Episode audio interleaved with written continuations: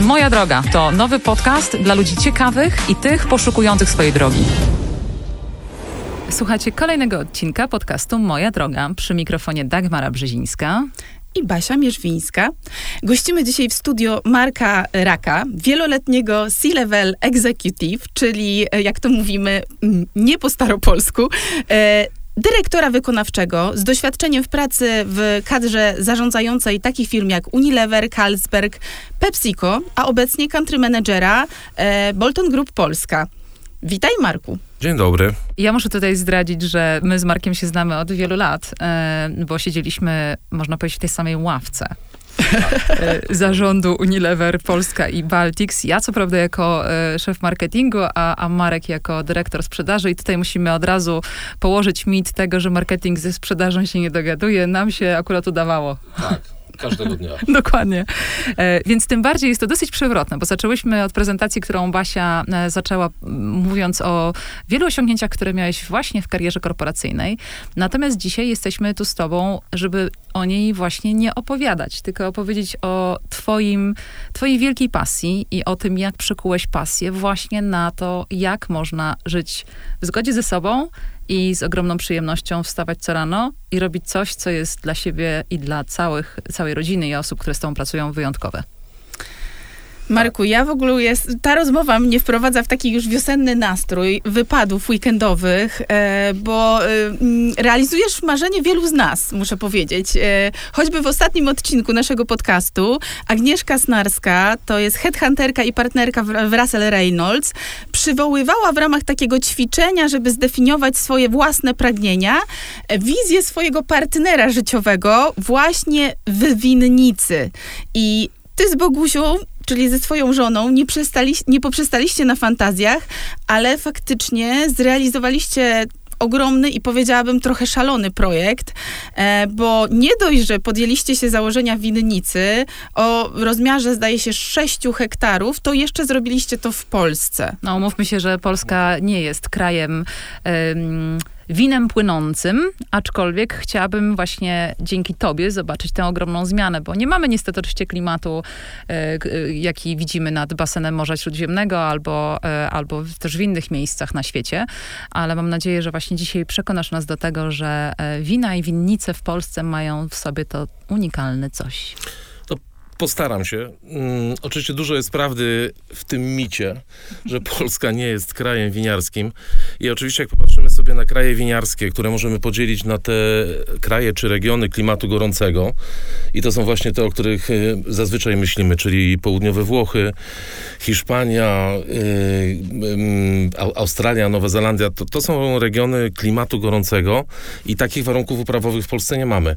Natomiast y, Polska należy do strefy uprawowej tak zwanej y, chłodnej. Y, do tej samej strefy należą Niemcy, Austria, Czechy, mam na myśli głównie Morawy i południowa Polska. I, i myślę, że coraz y, łatwiej w Polsce uprawia się winogrona i wytwarza się z nich jakościowe wino, bo niestety te złe zmiany klimatyczne, które występują globalnie, one są w jednym, z jednej strony niedobre i niekorzystne, ale dla upraw w Polsce są korzystne i to, co było niemożliwe w Polsce 15 lat temu, dziś y, jest możliwe. W Polsce uprawia się swobodnie szlachetne odmiany. Poczekaj, y, bo, moment. Ja się tutaj zatrzymam.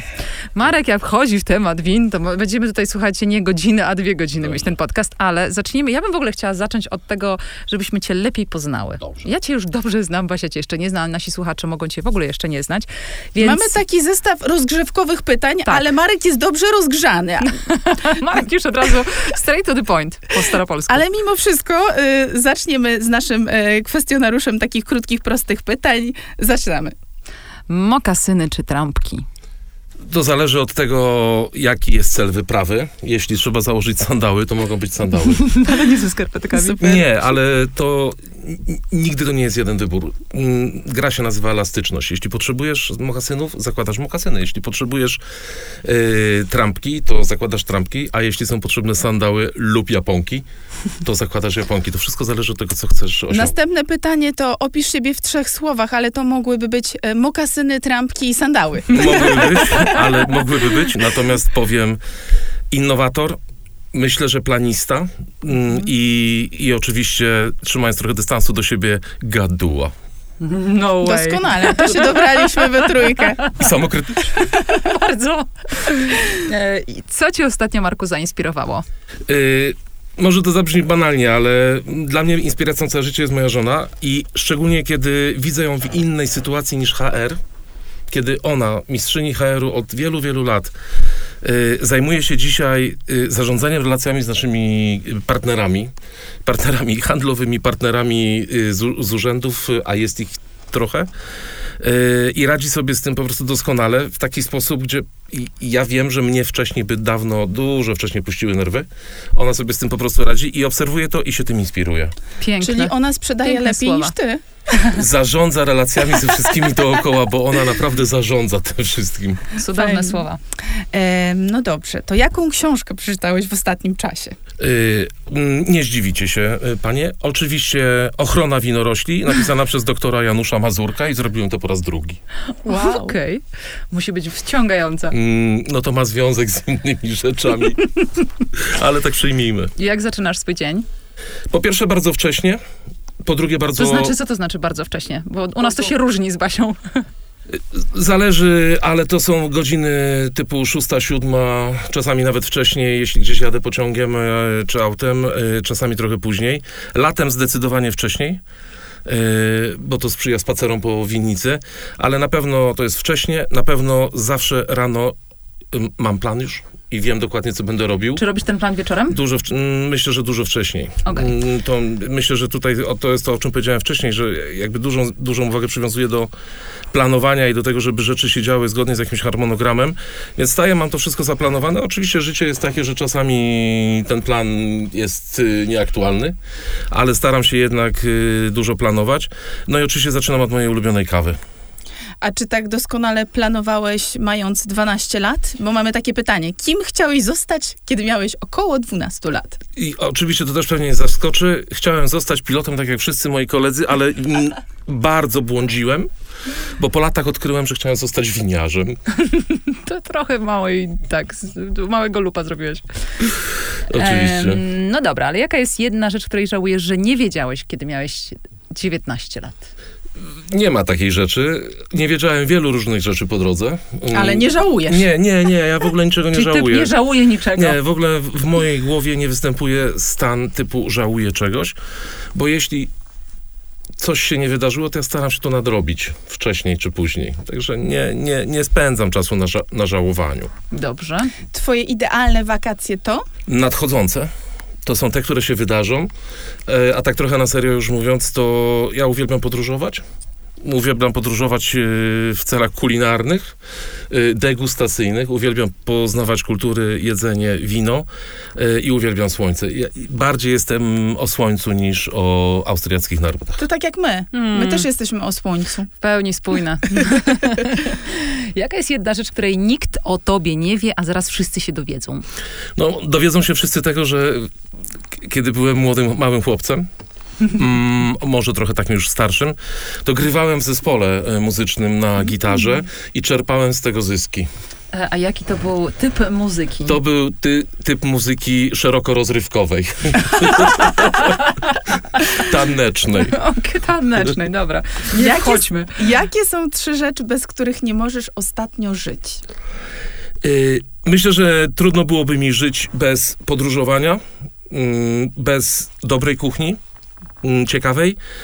I byłoby mi tra- strasznie trudno żyć bez niezależności. I nie chcę tutaj mówić o wielkich ideałach typu wolność, ale też. Natomiast y, niezależność jest wypisana w każdym celu mojej głowy. Po prostu musimy i ja chcę też być niezależny, bez tego nie mógłbym. Dzięki Marku za te krótkie i e, bardzo jasne odpowiedzi. E, troszkę się oczywiście o tobie już więcej dowiedzieliśmy. Ja naprawdę o kapeli e, muzycznej nie wiedziałam nic i że czerpałeś z niej zyski tym bardziej.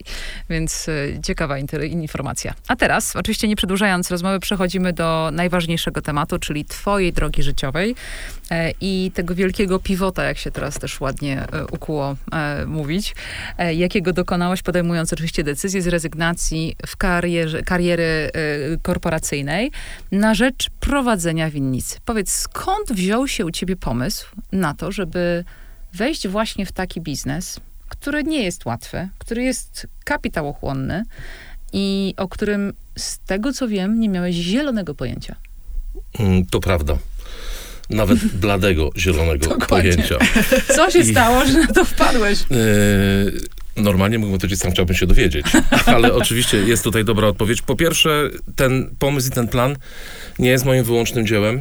Mm, Przy takich zmianach i przy takich yy, projektach jak ten, który my prowadzimy wspólnie z Bogusią, jest zawsze potrzebna dwójka partnerów yy, w, w tym przestępstwie, tak? Więc yy, jesteśmy we dwójkę. Yy, I to jest punkt pierwszy. I my, yy, często ktoś mówi, porzucili korporacje i tak dalej.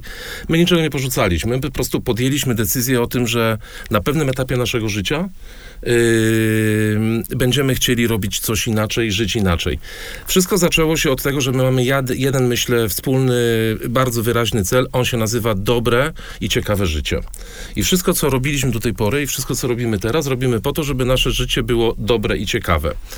I teraz y, dużo, wie, dużo komplementów, wiele komplementów bym powiedzieć o, o swoich y, rolach w swoich firmach do tej, do tej pory. Myślę, że Bugsia miała dokładnie taką samą karierę i tak samo y, y, udaną.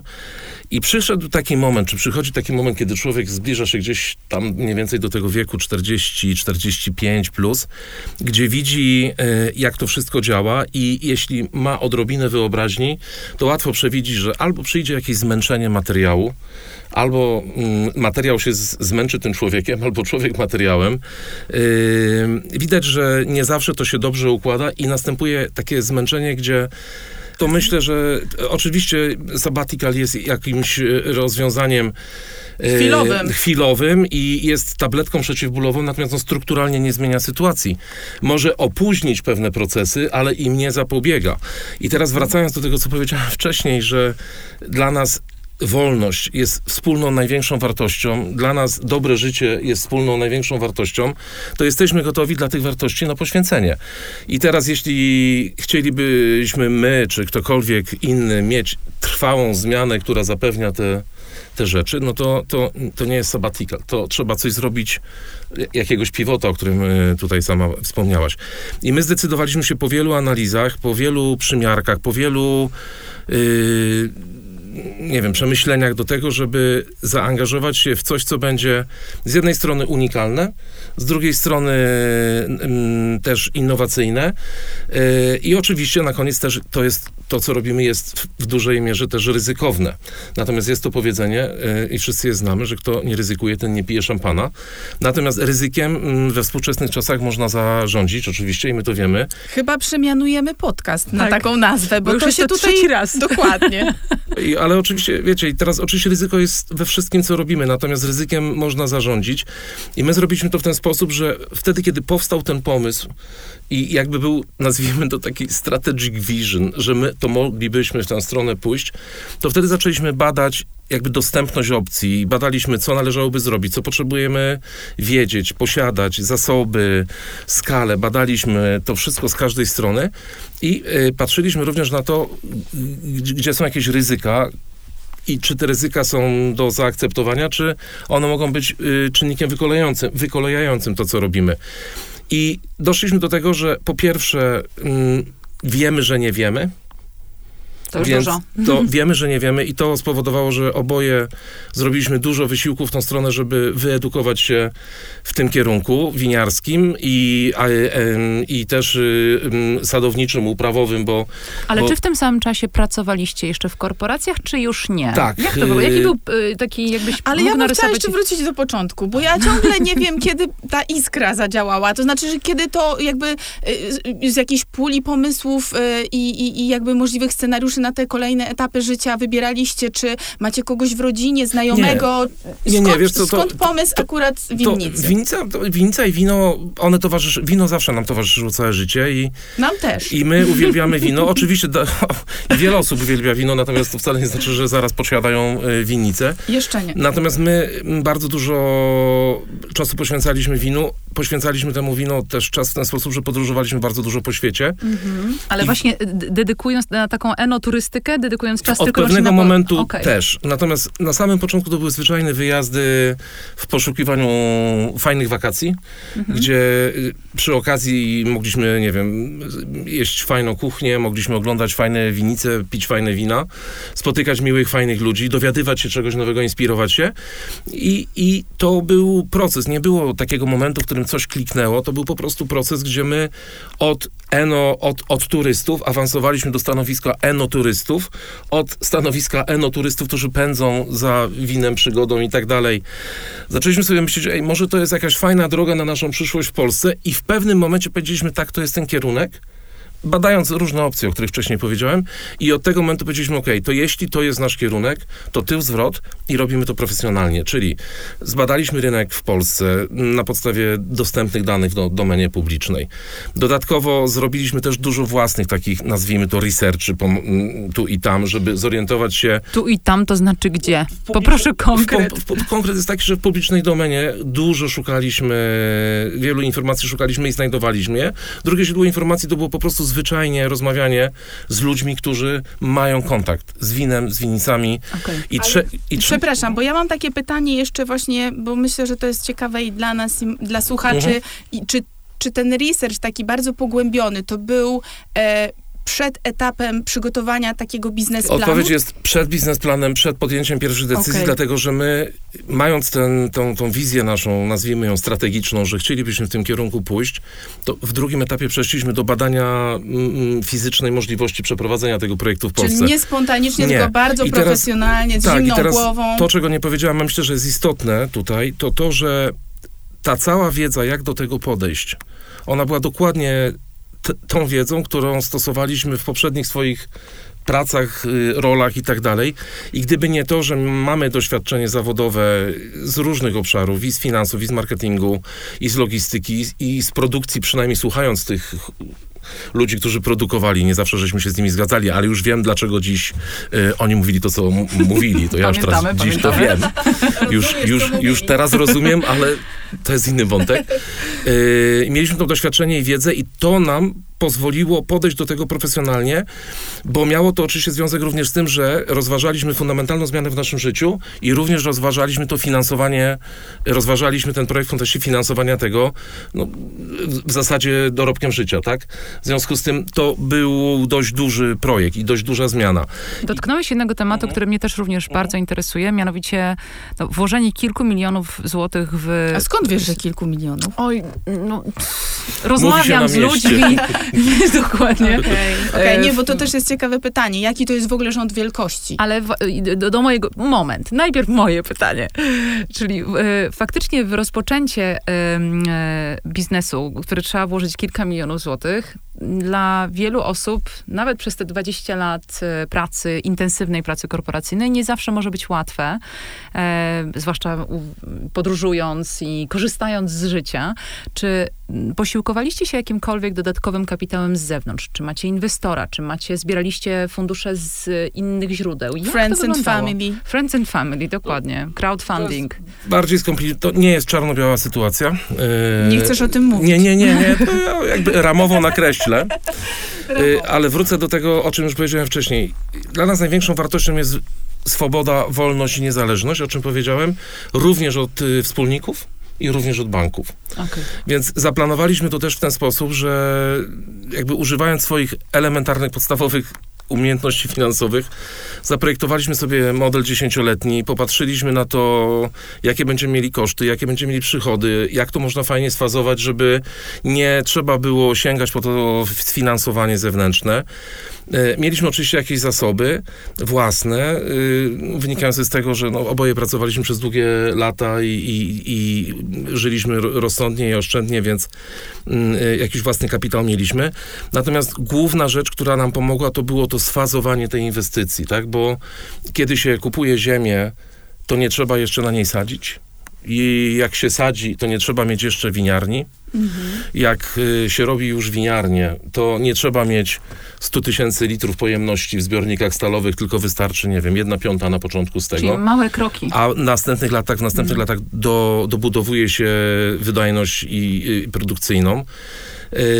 I my to robiliśmy po prostu małymi krokami, więc myślę, że ta główna rzecz gdzieś po środku to jest po pierwsze, to jest oczywiście w większości kapitał własny. Po drugie, dobrze sfrazowany i y, jakby w, w, wszczykiwany jakby do biznesu naszego w sposób sfazowany.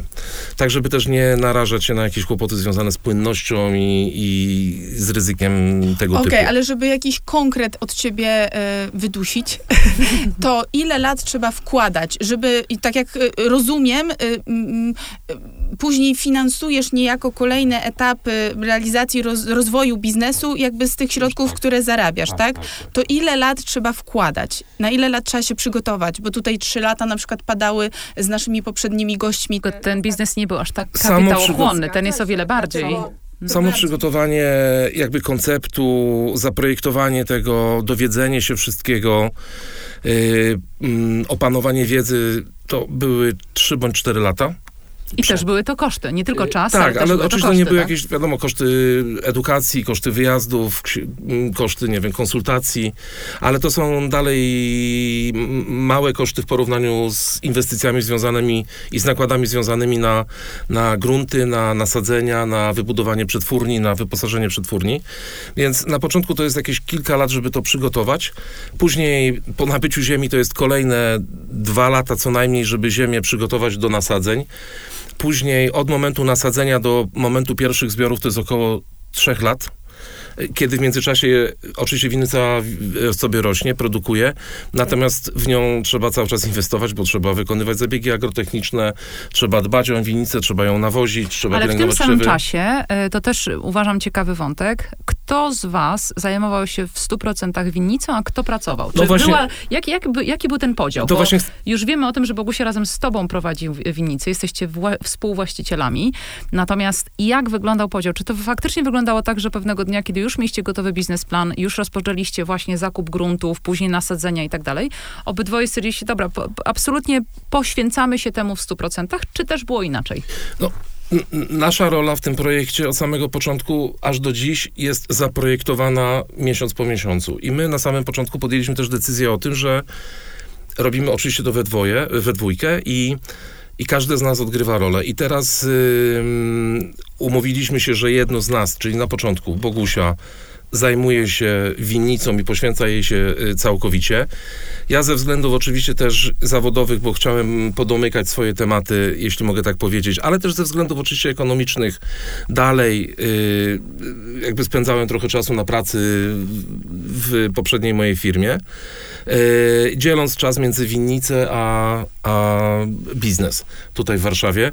Natomiast wiedzieliśmy, że przyjdzie taki moment i szkicowaliśmy sobie mniej więcej go na 4 lata mniej więcej mm, taki okres, y, y, kiedy wiedzieliśmy, że trzeba będzie podjąć decyzję i skoncentrować się na winnicy w 100% we dwójkę. Czyli odpowiadając na twoje pytanie, w pierwszej fazie 100% Bogusi poświęcenia dla winnicy, ja w jakimś stopniu, nie kolidującym z tym, co robiłem tutaj w Warszawie. Natomiast już od tego sezonu, już od nadchodzących miesięcy, podobnie tak jak Bogusia, yy, planuję poświęcić się całkowicie, bo winnica tego wymaga. To jest już taka skala.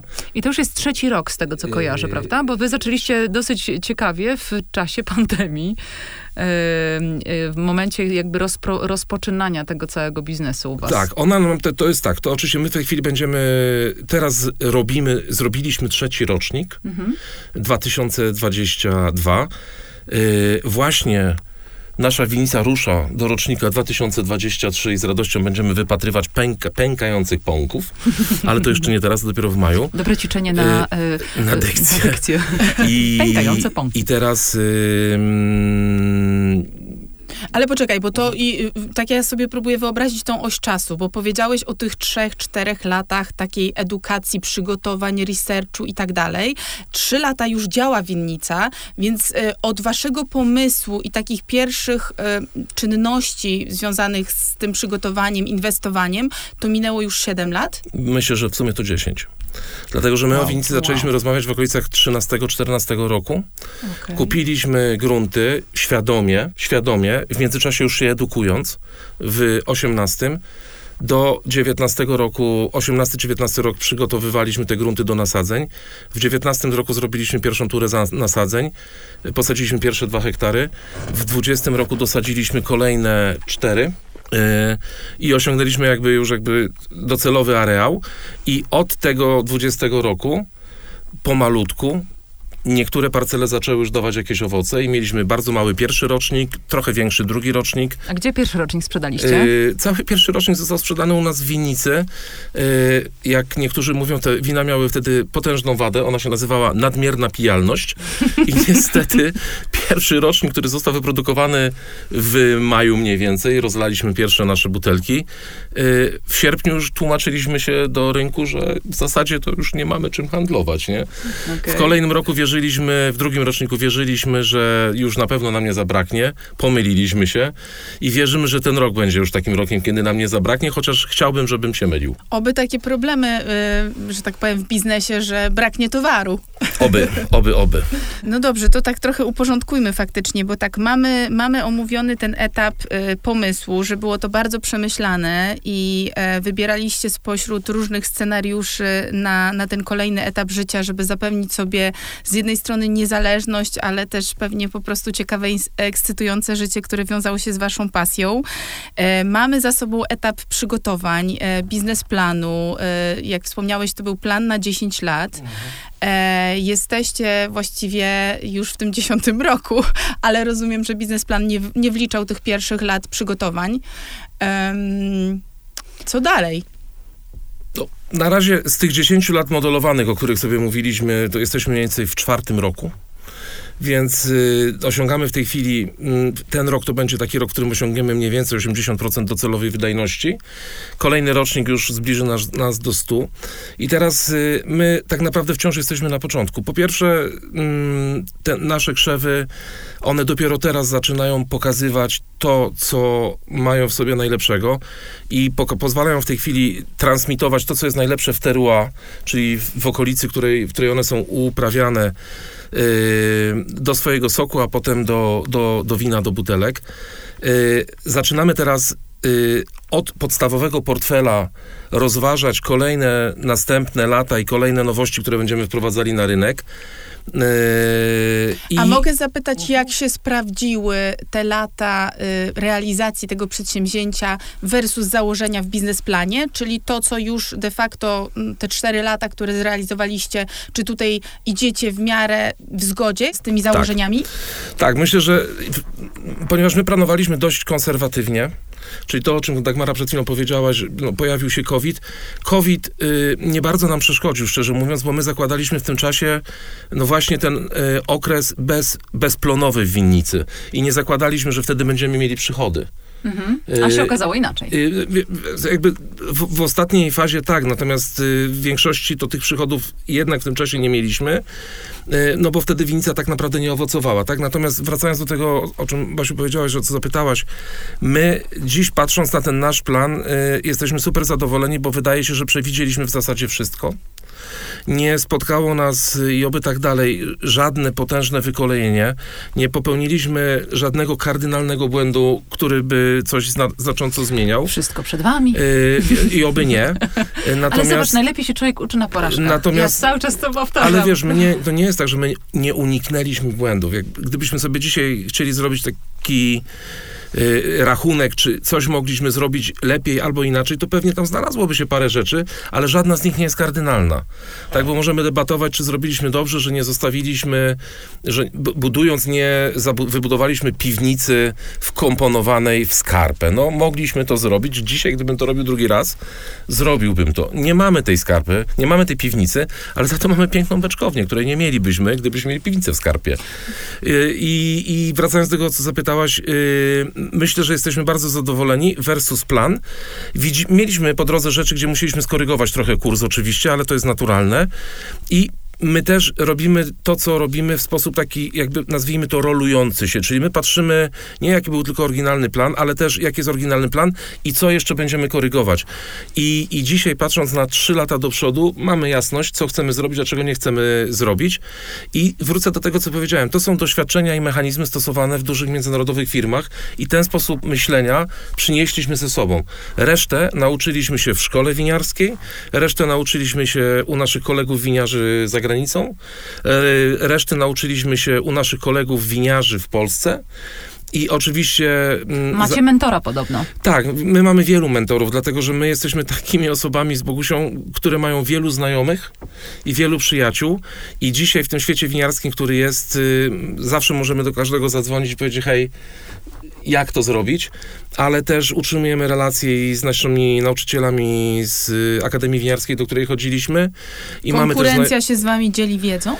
Y, wiesz co, myśl, jakby myślę, że w świecie winiarzy słowo konkurencja jest mocno przesadzone, tak? Dlatego, że dzisiaj jakby tych winnic w Polsce jest wciąż tak nie za dużo mhm. versus popyt, który występuje, że wszyscy sobie jakoś tam pomału y, i, w swój sposób radzą. Y, I dzisiaj myślę, że jest wiele regionów i wielu winiarzy, którzy współpracują. Oczywiście, które drożdże, do którego wina, jaka winifikacja w szczegółach i tak dalej, mm, no to tak Wiecie, raczej, to raczej nie, nie ale inne rzeczy mm, pomagamy sobie nawzajem i tutaj myślę, że jest w środowisku winiarskim dużo życzliwości. No, oczywiście są od tego wyjątki, ale jednak życzliwości jest dużo i my mieliśmy szczęście, bo tych ludzi spotkaliśmy po drodze i było się kogo dopytać. To ja zapytam teraz i jeszcze wracając y, na moment do tego planowania. E, jak zdradziłbyś kilka takich um, hintów na temat tego, jak budować swoją własną markę, bo tu ewidentnie stworzyliście taką markę.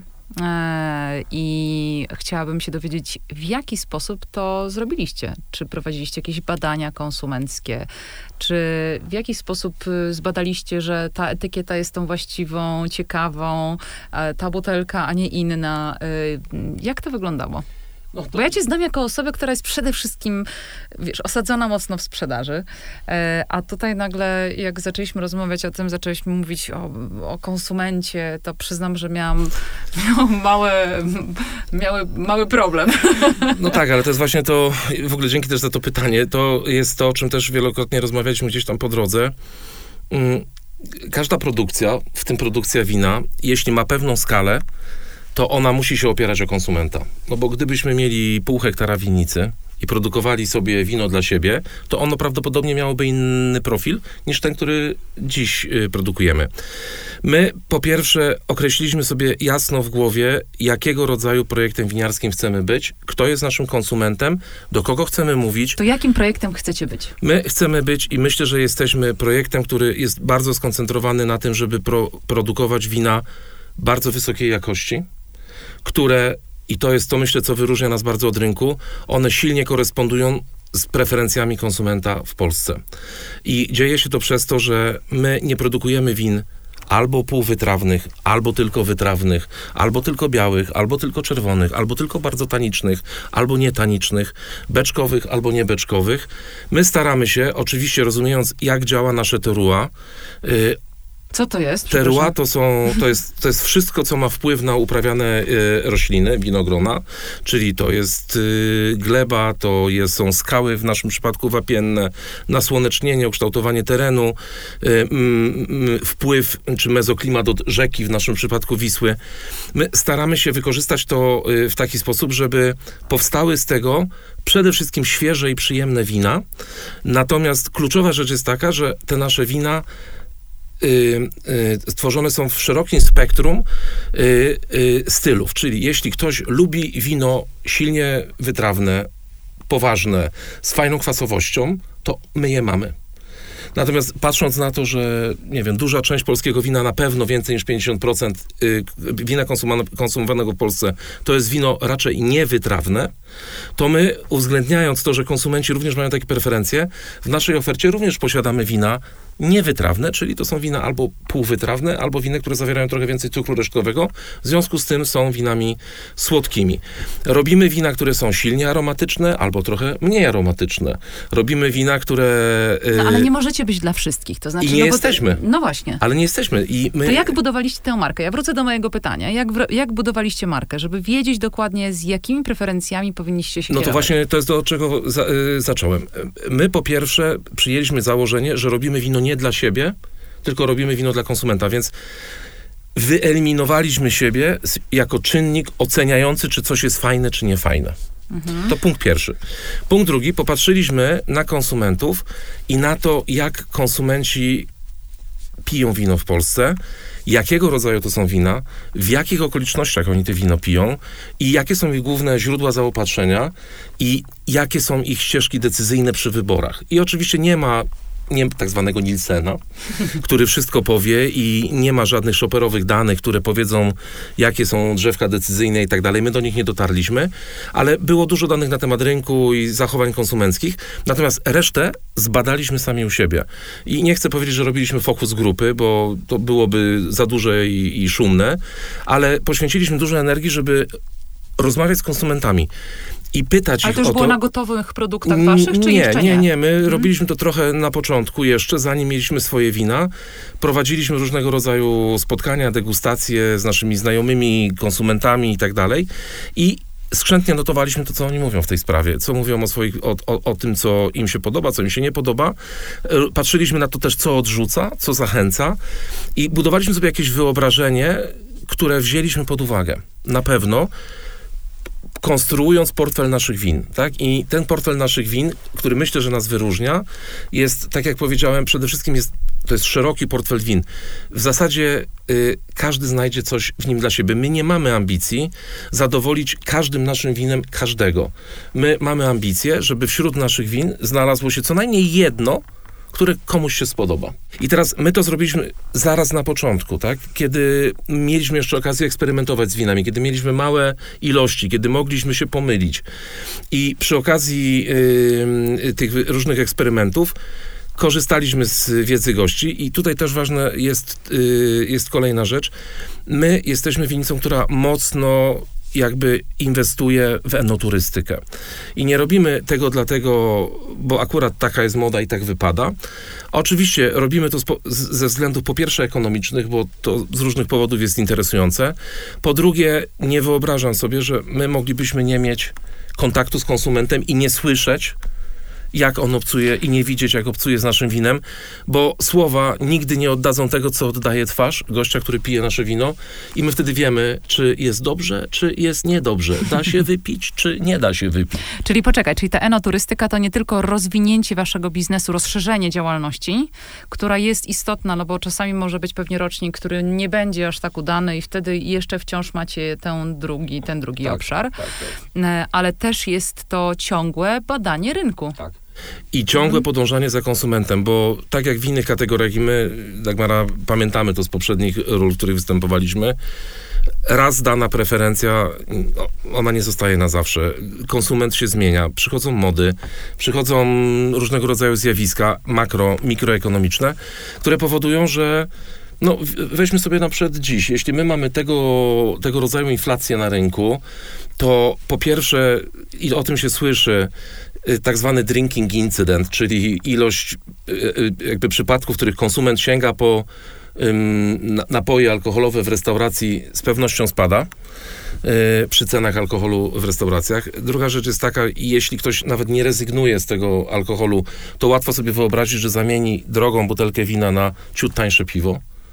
Y, więc zmieniają się rzeczy i teraz i my winiarze, nie tylko my, ale w ogóle Ja z wszyscy. wina nigdy nie przejdę na piwo. Y, Proszę wie- mi tutaj takich i, rzeczy nie I wierzymy, że tak zwani heavy userzy zachowają się w Ja ten nie sposób. jestem heavy user, po prostu mówię, że nie lubię piwa. Udało się. E, No to, no okej, dobra. W każdym razie no, musimy wszyscy brać pod uwagę różnego rodzaju czynniki i rozmawiać z konsumentami i słuchać, co konsumenci mówią. I my nigdy w życiu z tego nie zrezygnujemy i myślę, że z racji tych naszych doświadczeń, które mamy wcześniej, y, które mamy z poprzednich naszych y, ról, y, mogliśmy tak dobrze to wykorzystać i dzięki temu zbudować wina, które, i tak jak już wcześniej pow- powiedziałem, pow- powtórzę się, one w, w ocenie naszych konsumentów mają nadmierną pijalność.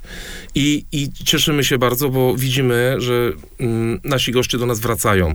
My sprzedajemy wino, dzielimy się tym winem i już dziś mogę powiedzieć, że mamy dużą rzeszę konsumentów, którzy, gości, którzy nas odwiedzają.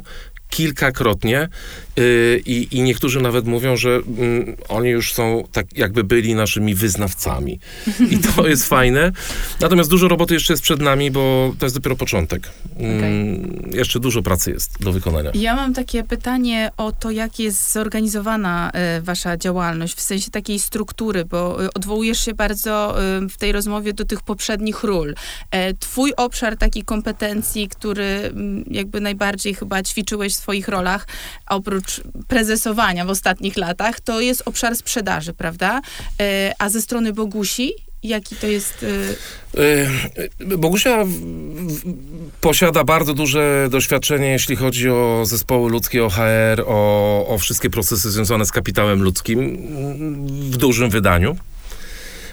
I te doświadczenia jej się na pewno przydają, natomiast przy małej strukturze, którą my mamy, małej ilości osób, z którą pracujemy, no jakby tego To kalibru doświadczenia są nie, nie, niepotrzebne aż tak bardziej, aż tak bardzo.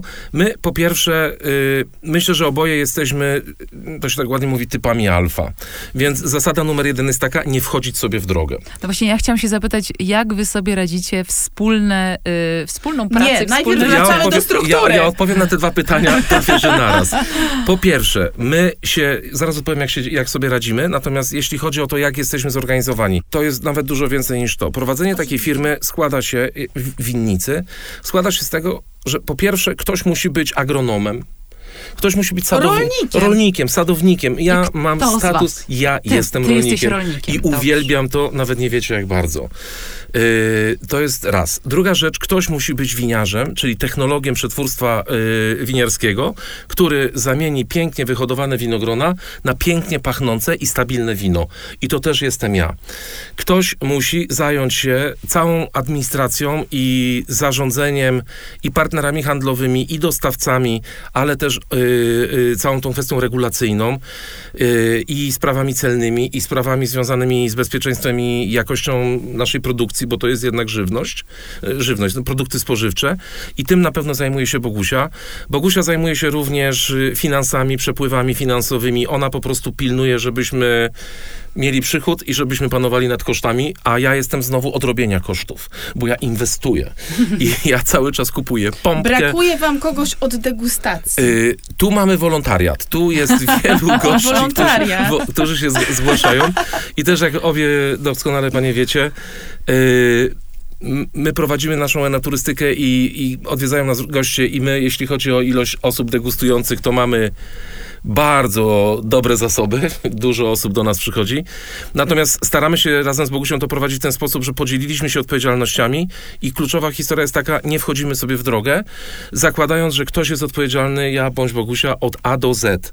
I oczywiście, jakby trudno jest przejść, jeśli się coś widzi i nie skomentować, ale to prawo mają obie strony. I ponieważ... Ale y, zanim, zanim jeszcze te relacje, jak gdyby partnerów w życiu i w, w biznesie, chciałam dopytać, zatrudniacie kogoś? Na pewno wyzwaniem w ogóle jest, tak sobie wyobrażam, w sezonie, tak, pozyskanie pracowników, kiedy jakby jest y, konkretny, tak. tak, Tak, to- konkretny czas, kiedy trzeba to zebrać. Więc i... pierwsza rzecz to jest ta płaszczyzna, gdzie jest wiele wątków tych kierowniczych, nazwijmy to. Więc my dalej jesteśmy prezesami w swojej firmie. Nie wychodzicie z Y, roli. Ale nie wychodzimy, nie możemy wyjść, no to ktoś musi, musimy tym kierować. Druga rzecz jest taka, że mm, ponieważ to jest mała organizacja i wrócę do tego, co powiedziałem, my ponad wszelką wątpliwość cenimy niezależność, to przez te 3 czy 4 lata operacyjnej działalności nauczyliśmy się robić wszystkiego na każdym stanowisku. I w zasadzie jesteśmy w stanie się prawie zastąpić. Prawie, w niektórych obszarach. I teraz y, staramy się też tak zrobić, że gdyby któreś z nas na chwilę gdzieś zniknęło, to drugie powinno sobie poradzić. I żeby to było możliwe, to w międzyczasie zbudowaliśmy ekipę, stałą ekipę, w tej chwili mamy, pracujemy z pięcioma osobami na stałe, y, które z nami są na stałe. I to są osoby, które są po pierwsze utalentowane, mocno i silno, silnie potrafią się uczyć, są zmotywowane lojalne, uprzejme i w ogóle same komplementy i jesteśmy razem od Skąd długiego się czasu. że takie osoby? Zatrudnia się je we właściwy sposób i tu uwaga Bogusia. I potem szkoli y, się ich we właściwy sposób, czyli ja i Bogusia. Nie, nie, nie, jakby w powiecie puławskim, w którym my funkcjonujemy i w regionie Kazimierza, nie ma wykwalifikowanych pracowników przemysłu winiarskiego, żebyśmy mieli jasność.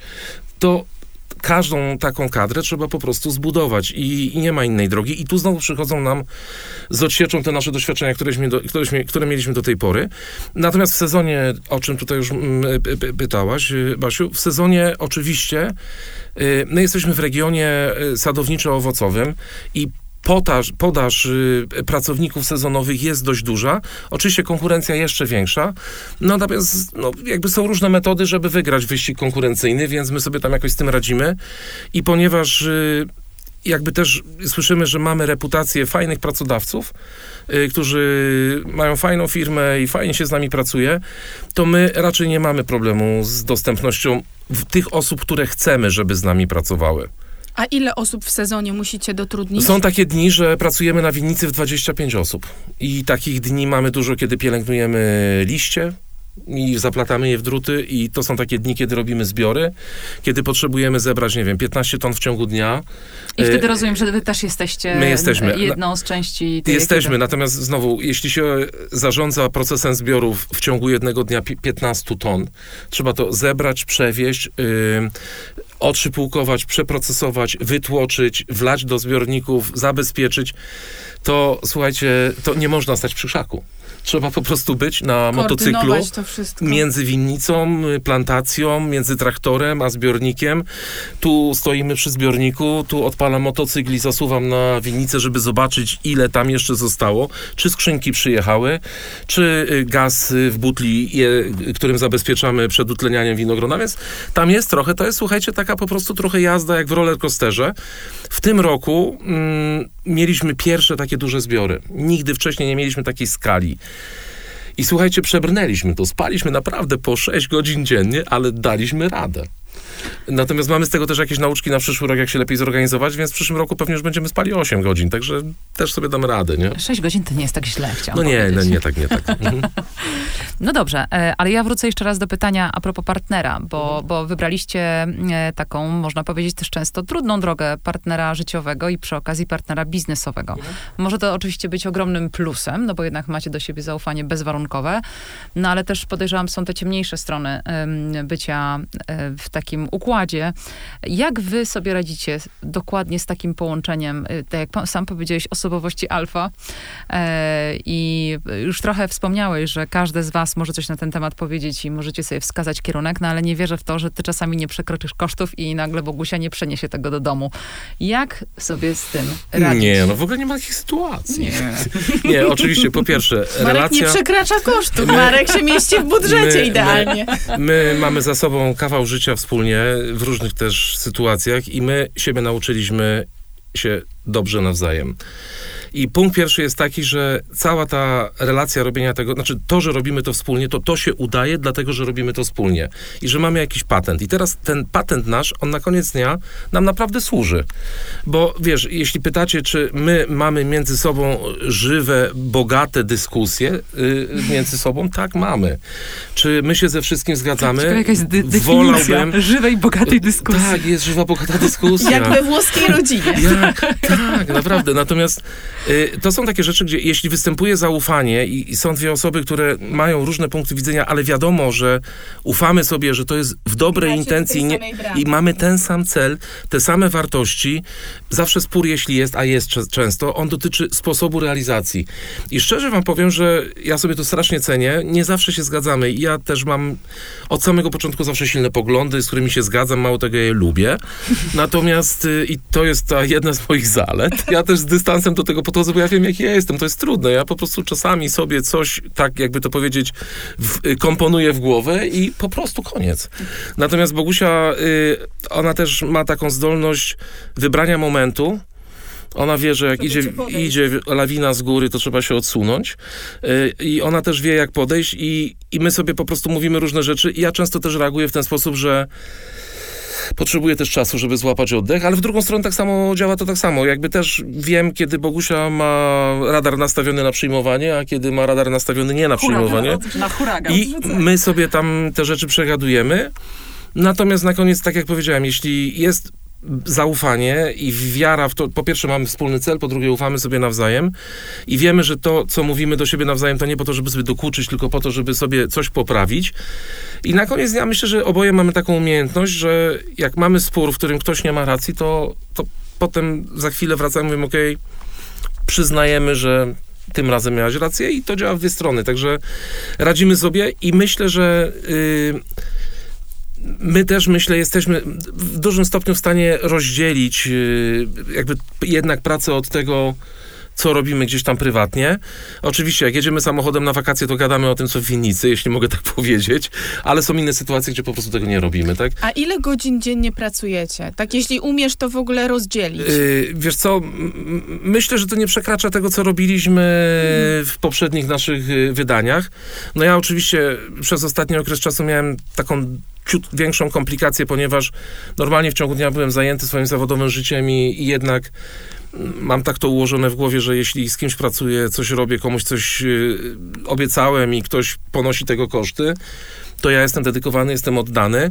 To ty, dlatego- Marku, tak naprawdę ostatnie lata życia to realizowałeś Na dwa etaty. Dokładnie. I to No. jeszcze bardzo absorbujące, bo ty dopiero teraz dochodzisz do tego momentu, kiedy już się wypinasz z, po, z fotela prezesa i będziesz w pełni zaangażowany w winnicę. Tak, natomiast właśnie to, że to, winnica działa w ten sposób, że można bardzo dużo rzeczy załatwić przed tym, zanim się siądzie do komputera rano. I bardzo dużo rzeczy załatwić zaraz po tym, jak się. To jest ten czas na sen. To jest ten czas, kiedy można wziąć y, psy, pójść Okej. na winnicę i praca polega na tym, że oglądam winnicę, żeby Mhm. rano powiedzieć, co robimy.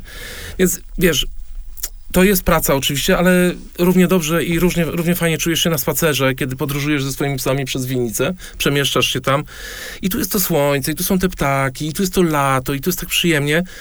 No trudno nazwać to pracą, chociaż to jest oczywiście praca, bo z tego wynika akcja następnego dnia, tak?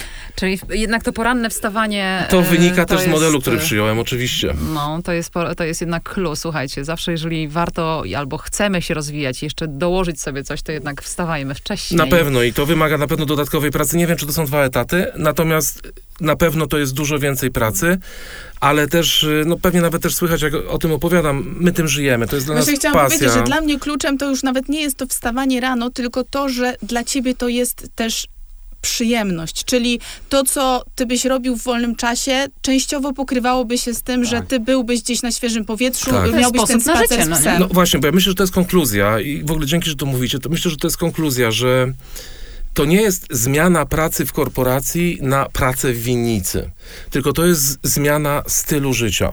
My żyliśmy sobie fajnie i przyjemnie w Warszawie, którą uwielbiamy, kochamy Warszawę, to jest nasze miasto.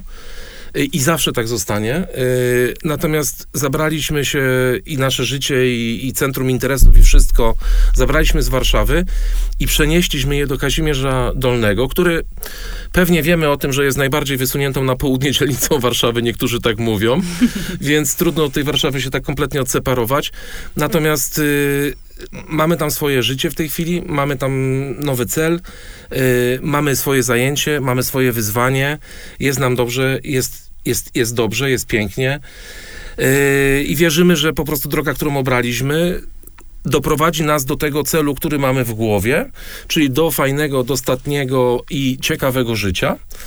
Yy, No, i- właśnie, ale jesteśmy pracujemy. w czwartym, piątym roku biznesplanu. E, ty teraz jakby jesteś w tym takim kluczowym momencie, kiedy, kiedy jakby będziesz się poświęcał w pełni winnicy, rezygnujesz e, z e, tutaj roli prezesa. E, a macie już jakiś plan, co za te sześć lat? Żeby być konsekwentnym wobec tego, co mówiłem wcześniej, muszę odpowiedzieć, że tak i odpowiedź jest tak. I po pierwsze, ch- chcielibyśmy być cali, zdrowi w, i to są banały, chociaż oczywiście Najważniejsze. trzeba jednak o tym pamiętać. Natomiast my dzisiaj, jak y, tutaj opowiadam, my dzisiaj dajemy bardzo dużo energii winnicy. I wierzę, że w tym siódmym, ósmym, dziewiątym, dziesiątym, a już na pewno jedenastym, dwunastym roku winnica da nam tyle samo energii. I dziś to my jesteśmy dla winnicy i wierzę, że za 5-10 lat winnica będzie dla nas. Czyli jeśli my mamy ten nasz cel, że chcemy mieć fajne, ciekawe życie, to dziś Z podróżami. z podróżami, to dziś podróżując po winnicy i dając jej energię, wierzymy, że stworzymy sobie taki model i też mamy to ułożone w głowie, żeby tak jak się dzisiaj wfazowaliśmy winnicę, żeby pomalutku też jakby oddawać trochę przestrzeni naszym współpracownikom, żebyśmy po prostu mogli dzięki winnicy mieć dalej dobre życie, ale trochę w innej formule. Y, Bardziej, po, bardziej takiej skupionej na, na, nie chcę powiedzieć na odpoczynku, ale może coś w tą stronę, nie? W tę stronę, nie? No dobra, to Oby teraz tak podsumowując w takim razie naukę z, dzisiejszego, z dzisiejszej naszej rozmowy. Przy rozwijaniu biznesu planowanie, czyli tutaj sam powiedziałeś, że jesteś planistą. Nie każdy ma takie również cechy osobowościowe, ale wydaje mi się, że jednak to planowanie i konsekwentne ułożenie sobie tego celu e, końcowego i celów pośrednich, jak je zrealizować, jest tutaj kluczowe, no bo dzięki temu rozpiszesz też w odpowiedni sposób swój kapitał, czyli ile będziesz potrzebować pieniędzy na danym etapie. Tak, ale to też pozwala przewidzieć potencjalne problemy Mhm. i już model może pokazywać, gdzie zderzymy się z górą, więc na tym etapie system wczesnego ostrzegania to też zapewnia. Czyli planowanie z tym systemem ostrzegania i z rozpisaniem tego kapitału. Druga taka rada i takie coś, co, co u ciebie też wychwyciłam, to jest e, to planowanie kapitału wcześniej, zanim się zacznie ten pomysł. Czyli e, nie chcąc wspierać się e, kapitałem zewnętrznym, inwestorami, wspólnikami i jakimkolwiek innym modelem finansowania, warto wziąć pod uwagę również to, że możemy dostać to, to, to, te- ten kapitał po prostu kumulując go, oszczędzając i prowadząc, tak jak sam powiedziałeś, oszczędne życie, tak? No bo to jednak było coś, co było celem, znałeś, znałeś cel, jaki, jaki chcesz osiągnąć i mimo wszystko y, mogliście sobie pozwolić na zebranie odpowiedniego, odpowiedniej kwoty. Ja bym tu dodała jeszcze, że ten etap planowania właściwie trwał kilka lat, podczas gdy wy występowaliście w tych swoich e, poprzednich rolach, tak? Czyli de facto to nie jest tak, że ja dzisiaj siadam, rezygnuję z pracy i zaczynam realizować e, nowy plan na życie, tylko wy przez kilka lat systematycznie przygotowywaliście się do tego, tego kolejnego Czyli etapu. zamiast y, mieć takie podróże, można powiedzieć, trochę puste, tak jak sam powiedziałeś, staliśmy się etnoturystami zaczynaliśmy tę wiedzę pogłębiać, więc to było takie bardzo też mądre spędzanie czasu. To też jest fajne, bo to też może do siebie zbliżyć partnerów. Często mówimy o tym, co zbliża do siebie partnerów, no nie tylko wspólne, nie wiem, oglądanie telewizji, ale właśnie rozwija, wspólne rozwijanie się i to może też... I was- wspólne tworzenie Tak. czegoś, bo my dziś myślę, przepraszam ci, wchodzę w słowa, ale myślę, że to, co nas dzisiaj bardzo łączy i bardzo integruje, to, że my mamy wspólny projekt. To on nie jest mój Mhm. i nie jest Bogusi. On jest łączny. I bez żadnego z nas by nie miał miejsca i nie dalibyśmy rady i intelektualnie, i organizacyjnie, i finansowo. Więc y, to jest druga historia i te wyjazdy wszystkie, one dawały po prostu, one, one były jedną wielką inspiracją. Czyli podróże tutaj jako taki kolejny z elementów, który buduje nam i ciekawość do poszerzania wiedzy na temat tego celu, który chcemy osiągnąć i przy okazji zbieranie tej wiedzy. Ja w ogóle widzę, ja, ja w ogóle widzę taką ogromną pokorę jako czynnik sukcesu e, w tym, że tak jak powiedziałeś, stwierdziliśmy, że wiemy, że nic nie wiemy, tak? Że i, i, i tutaj po tylu latach profesjonalnej kariery, gdzie człowiek już e, właśnie przyzwyczai się do tego fotelu, pre, fotela prezesa i e, liczy już na ten etap w życiu, kiedy zacznę odcinać kupony, wy z ogromną pokorą zdaliście sobie sprawę, że wchodząc w tak nowy obszar, musicie wrócić do szkolnej ławki. Uzupełniając to, co trafnie teraz podsumowałaś, również zakasanie rę, rękawów i robienie rzeczy fizycznie na froncie. My oboje potrafimy dziś ciąć winorośl i ją formować. My oboje potrafimy pracować z krzewem. My oboje potrafimy zrobić nastaw. My potrafimy oboje y, robić zlewanie z nadosadu, obsługiwać zbiorniki, pompy i tak dalej. Więc i to są rzeczy, których nauczyliśmy się pracując tam. Yy, więc nie ma fotela prezesa. Jest winnica i praca do wykonania. Wiesz, prezesowanie, takie powiedzmy w cudzysłowie, to jest tylko obowiązek, żeby to zaplo- zaplo- zaplanować w którymś momencie, żebyśmy potem my wszyscy, my i nasi y, współpracownicy wiedzieli, co robić. Także dużo tym jest też praktycznej pracy ciężkiej, fizycznej, tam przy zbiornikach. To też uczy. No i kolejna rzecz, to sam też powiedziałeś o tym, że to były małe kroki. To znaczy nie zaczynamy od razu od tego, że odpalamy po prostu wielką winnicę i dajemy sobie czas i na to zbieranie tego doświadczenia i na odpowiednie ustawienie właśnie tego, tych przepływów y, Fazowanie, korygowanie Fazowanie, tego dokładnie. planu. Więc to jest bardzo cenne, ponieważ to pokazuje, że trzeba mieć też cierpliwość. To znaczy Absolutnie. nie wszystko na raz. E, małe kroki, bycie cierpliwym, bycie właśnie pokornym do tego, że e, no, zaczynam od zera, muszę po prostu przysiąść i e, powiedzieć wprost, że muszę, muszę zdobyć wiedzę ale jest tutaj też kluczowy właśnie ten element, znowu wracamy do elementu par partnera, wspólnika. Tutaj twojej żony Bogusi, którą serdecznie oczywiście pozdrawiamy. I no, to jest kolejny raz, kiedy widzimy jednak tę rolę partnera Absolutnie. jako kluczową, ponieważ tutaj mieliście o tyle też dobrą sytuację, że Bogusia mogła w całości poświęcić się winnicy, a ty w tym czasie mogłeś również wspierać finansowo cały projekt poprzez pracę, pracę w korporacji i dzieląc ten czas między korporacją a swoją winnicę. Ja jeszcze sobie notując tutaj te y, kluczowe czynniki sukcesu, zapisałam ten e, networking, tak? Bo y, mam wrażenie, że wy przez całe życie zawodowe budowaliście sobie e, właśnie takie relacje e, i, i, i, i przez te wszystkie etapy realizacji tego przedsięwzięcia odwołujecie się właśnie do tych kontaktów. Absolutnie i to jest y, myślę, że jeśli miałbym powiedzieć, co jest na pierwszym miejscu, to właśnie to, bo życzliwości ludzkiej potrzeba od samego początku, w środku projektu, pod koniec projektu, jej potrzeba zawsze. Yy, I i, i ci życzliwi ludzie to jest ten network, który y, sobie tam człowiek buduje przez te wszystkie lata tu i za granicą i, i wszędzie. I to jest, myślę, najważniejsze, bo wiedzieliśmy, kogo dopytać, y, kogo podpytać, y, y, kogo prosić o krytykę i, i albo o ciepłe słowo, albo o jakąś radę, albo o merytoryczną poradę. A druga rzecz, która jeszcze występuje tutaj, tak w każdej firmie, w każdej strategii to jest sztuka wyborów i priorytety. One muszą być ultra jasne. Dlatego, że ta, to fazowanie, to jeśli człowiek jeszcze ma taką naturę chłopca, który trzeba mieć wszystkie zabawki od razu i te duże, i te małe, i Masz piękny taką naturę? Y, no niestety Nie. mam. Y, więc wiesz, i fajny traktor, i fajną pompę, i fajną Masz, linię. Ale macie już fajny traktor? Mamy już fajny traktor. Co? Nie, nie, to już jesteśmy na etapie fajnego traktora, fajnego sprzętu, winnicy, fajnego to kto sprzętu. na nim jeździ? Yy, yy, staram się sam. Od czasu do czasu, ale na razie staram się starać tylko. Więc myślę, że te priorytety i wybory i to, co powiedziałaś, Dagmara, też trochę cierpliwość. To jest priorytetyzacja i dyscyplina w nierzucaniu się na wszystko. To network, priorytety i dyscyplina. To, to jest po prostu święta trójca, myślę, tego. Wracam do podsumowania. Gratulujemy absolutnie Tobie i, i Bogusi tego wyjątkowego projektu. E, trzymamy oczywiście kciuki za dalszy rozwój i za plany, e, co po tych 10 latach. Dziękujemy też, że podzieliłeś się swoją, swoim, swoimi radami profesjonalnymi i tymi mniej e, zawodowymi, jak podchodzić do, e, do życia i do relacji, budując razem wspólny biznes.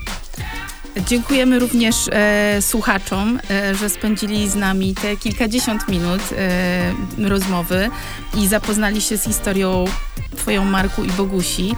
I zastanawiam się szczerze mówiąc, e, ilu z naszych e, słuchaczy myśli sobie teraz, że prowadzenie własnej winnicy to może być e, dobry pomysł na życie dla nich. może macie jakieś dodatkowe pytania do Marka? Zada Właśnie, zadawajcie je e, u nas na Instagramie, na naszym koncie, a my poprosimy Marka o, o odpowiedzi i opublikujemy je dla Was. Żegnamy się teraz z Wami i słyszymy się w następnym odcinku podcastu Moja Droga. Do usłyszenia. Dzięki wielkie. Do usłyszenia. Dzięki, Marku. Dziękuję.